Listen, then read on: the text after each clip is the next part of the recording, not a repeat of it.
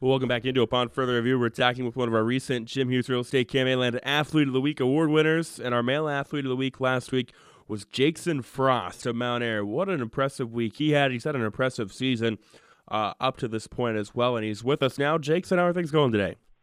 Oh, going pretty good. How about yourself? Can't complain. Thanks for joining us. Uh, first off, just tell us about that week from your perspective. Uh, busy week, three games, three impressive performances from you. Uh, what was that week, week like from your perspective? Uh, it was a hectic week. I mean, three games is a lot of games to play, especially in one week. But uh, you know, we got it done, felt good, and to come out on top was another great thing that occurred. What was the mentality or the approach coming out of Christmas break? You get a week and a half to kind of recharge your batteries. You guys had had a phenomenal start to the season, uh, but to you know, what were some things you guys worked on so you could be playing your best when you returned? Um, we went to we kind of changed up our defense a little bit. We worked on our man-to-man skills. Obviously, we lacked there. I mean, we've always been a two-three zone kind of team, but we also knew that we weren't going to shoot the great coming or shoot the greatest coming out of break either. I mean, you got that week off, you know, trying to get shots up and just kind of get comfortable. But once we got in those games, we got comfortable, settled down, and you know, just things got rolling. Yeah, how big was the defense for what you guys wanted to do offensively?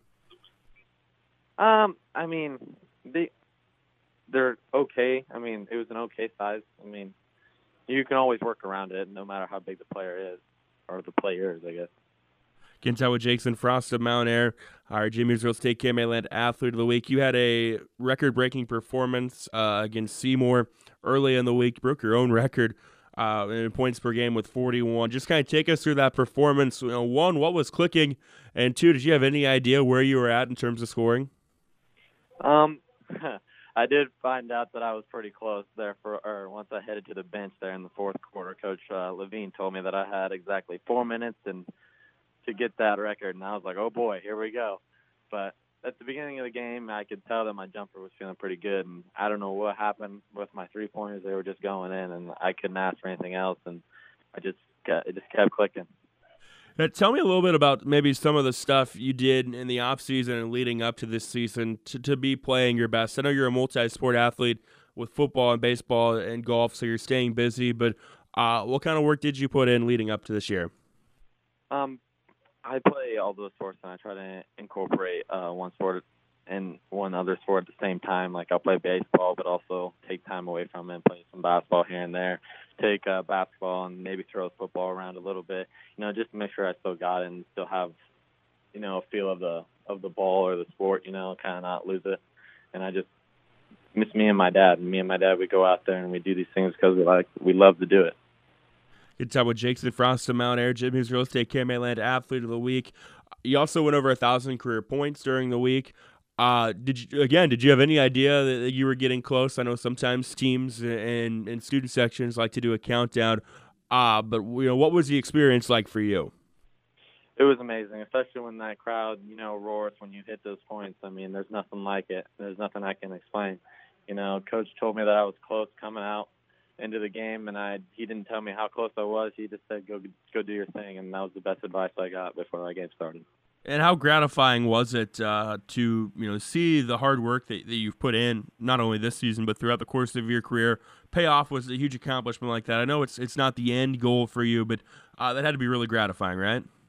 Oh yeah, you know they, they say hard work pays off, and it, it pays off. Let me tell you, it was great. One thing I've noticed in looking, you know, nightly at your box scores uh, and preparing for this interview as well, you've really upped your rebounding. You've always been a good rebounder, but this year you're averaging just under a double double with nine boards per game. Tell me about that dynamic of your game. Is that something that coming into the season was something you wanted to get better at?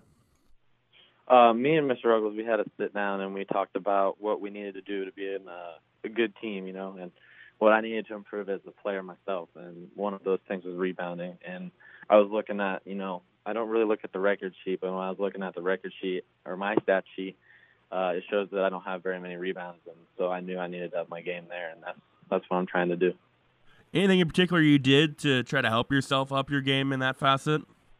Uh, I would sit down and try to do uh, some. I look at some old film, you know, you know, shooting those gaps, shooting those lanes, try to sneak in there, get those rebounds. But I also did some box out drills with my dad and Coach Ruggles, just you know, figuring out how to do it and you know, out jumping those people or, or out jumping the people is some ways you got to do it too.